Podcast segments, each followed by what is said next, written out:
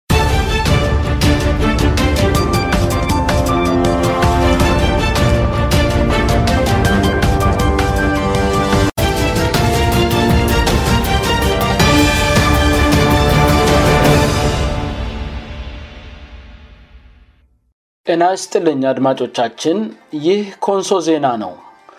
አሁን የዕለቱን አንኳር ዜና የምናቀርብበት ጊዜ ላይ ደርሰናል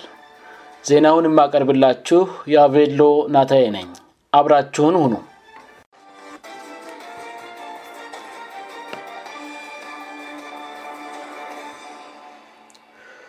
አርስት ዜናዎቹን በማስቀደም የዕለት ረቡእ ግንቦት 112013 አ ምት አንኳር ዜናዎችን አሰማለሁ በኮንሶ ዞንና በአሌ ልዩ ውረዳ መካከል ተቋርጦ የነበረው የትራንስፖርት አገልግሎት መጀመሩ ተገለጸ ሁለተኛው የታላቁ የኢትዮጵያ ሄዳሴ ግድብ የውሃ ሙሌት የግብፅን ፍላጎት አይጎዳም ስሉ የግብፅ ውጭ ጉዳይ ሚኒስትር አስታወቁ አሁን ዜናውን በዝርዝር ያሰማለሁ በኮንሶ ዞንና በአሌ ልዩ ወረዳ መካከል ተቋርጦ የነበረው የትራንስፖርት አገልግሎት መጀመሩ ተገለጸ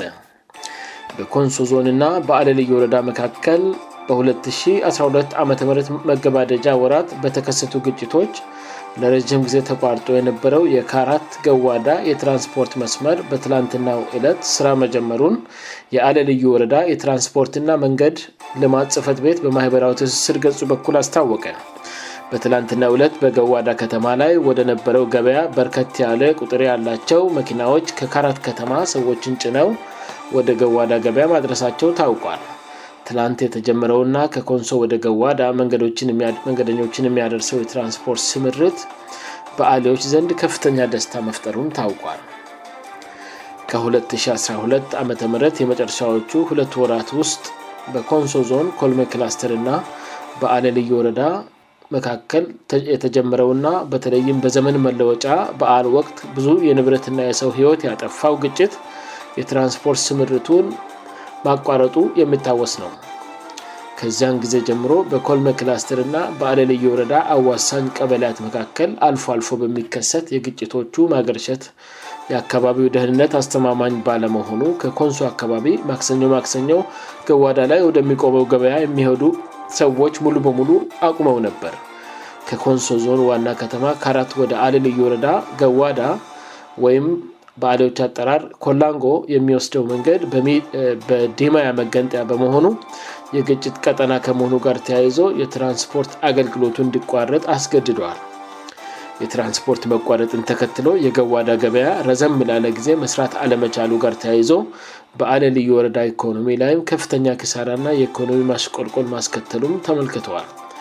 አሁን ላይ የትራንስፖርት መስመሩ እንደገና ስራ መጀመር በተለይ በገበያው አካባቢ ለሚኖሩ ና በንግድ ለሚተዳደሩ የአለ ማህበረሰብ አካላት ከፍተኛ ደስታና ፈንጠዘያ መፍጠሩም ታውቋል የትራንስፖርት ስምርቱ እንደገና እንድጀምር የኮንሶ ዞንና የአለልዩ ወረዳ የትራንስፖርትና መንገድ ልማት መስሪያ ቤቶች በትብብር ለመስራት መስማማታቸው በአለልዩ ወረዳ የትራንስፖርትና መንገድ ልማት ጽፈት ቤት ገጽ ላይ መመልከት ችለናል የህዝብ ለህዝብ ግንኙነት አካል መሆኑም ተገልጿል በጉዳዩ ላይ አስተያየታቸውን እንዲሰጡን የኮንሱዞን ትራንስፖርትና መንገድ ልማት መምሪያ ሀላፊ የሆኑትን አቶምንተስኖት ለምታን በስልክ ብናገኝም ውይይት ውስጥ መሆናቸውን ተናግረው ስልካቸውን በመዝጋታቸው በትራንስፖርቱ መጀመር ዙሪያ አስተያየታቸውን ማካተት አልቻለም በሌላ ዜና በዛሬው ዕለት በልዩወናበአሌ ልዩ ወረዳ ከታቶ ቀበለ እና በኮልሜ ክላስተር በርቀራ ቀበለ አመራር አምራርና የእርቅ ኮሚቴዎች መካከል ምክክር መደረጉን በቦርቀራ ቀበለ በኩል የእርቅ ሽማግሎች መካከል አንዱ የሆኑት አቶ ፈለቀ ሰለሞን ለኮንሶ ዜና ገለጹ ምክክሩ ያስፈለገበትም ጉዳይ ከእርሻና ከከብት ቃል በተያያዘ ነው ብለዋል በካታቶ በኩል አራት ፍየሎች ከሶት ሳምንታት በፊት መጥፋታቸውና ፍየሎቻቸውን የወሰደ ሰው እንዳለ በውይቱ ወቅት የተነገደ ሲሆን በቦርቀራ በቦርቀራ ሰዎች በኩልም ደግሞ እርሻው በጉልበት በካታቶ ሰው እየታረሰበት ያለ አርሶ አደር በመኖሩ ምክንያት ነገሮች ወደ ግጭት እንዳያምሩ የእርምት እርምጃ እንዲወሰድ ምክክር አስፈልጓል ተብለል ከሁለቱም ወገን የወጡ የእርቅ ሽማግሎችእና የገበለ የስራ አመራሮች ጉዳዩ ላይ ሰፋ ያለውይይት ካደረጉ በኋላ በውይይቱ የተነሱትን ጉዳዮች ለመቋጨት አርብ እለት እንደገና ለመገናኘትና ችግር ፈጣሪዎች ላይ የእርምጃ ውሳኔ ለማስተላለፍ ለመጪው አርብ ቀጥሮ መያዙም ታውቋል ምንም እንኳን በትናንትናው ዕለት በርከት ያሉ መኪናዎች ከካራት ከተማ ወደ ገዋዳ ሰዎችን የጫኑ ቢሆንም ከአጎራባች የቦርቀራ ቀበለ ወደ ገዋዳ ገበያ የሄዱ ሰዎች አለመኖራቸው ተገልጿል ቦርቀራዎችም ወደ ገበያው መምጣት እንዲጀምሩ የምክክል ስብሰባ ላይ በተገኙ የአለ ሰዎች ጥሪ እንደቀረበላቸውም ታውቋል በአሁኑ ጊዜ ከኮልሜ በኩል ሰዎችን ወደ ገዋዳ ከሚያደርሱ የሞተር ብስክለት ትራንስፖርት ሰጪ ሞተርኞች በስተቀር ሰዎች በእግራቸው ወደ ገዋዳ ገበያ መሄድ እንዳልጀመሩ ተገልጿዋል ከቦርቆራ ቀበለ ወደ ገዋዳ ገበያ ለቂቃ ሸመታ የሚሄዱ ሰዎች አብዛኛውን ጊዜ በእግራቸው መጓዛቸው የሚታወቅ ነው ይህ ኮንሶ ዜና ነው ሁለተኛው የታላቁ የኢትዮጵያ ሂዳሴ ግድብ የውሃ ሙሌት የግብፅ ፍላጎትን አይጎዳም ስሉ የግብፅ ውጭ ጉዳይ ሚኒስትር አስታወቁ የግብፅ ውጭ ጉዳይ ሚኒስትር አቶ ሳሜህ ሹክሪ ሁለተኛው የታላቁ የኢትዮጵያ ህዳሴ ግድብ የውሃ ሙሌት የግብፅ ጥቅም ላይ አሉታዊ ተጽዕኖ አይኖረውም በማለት ግብፃውያንን ማረጋጋታቸውን ጅፕት ኢንዲፐንደንት የተሰኘ የድረገጽ ጋዜጣ ዘገበ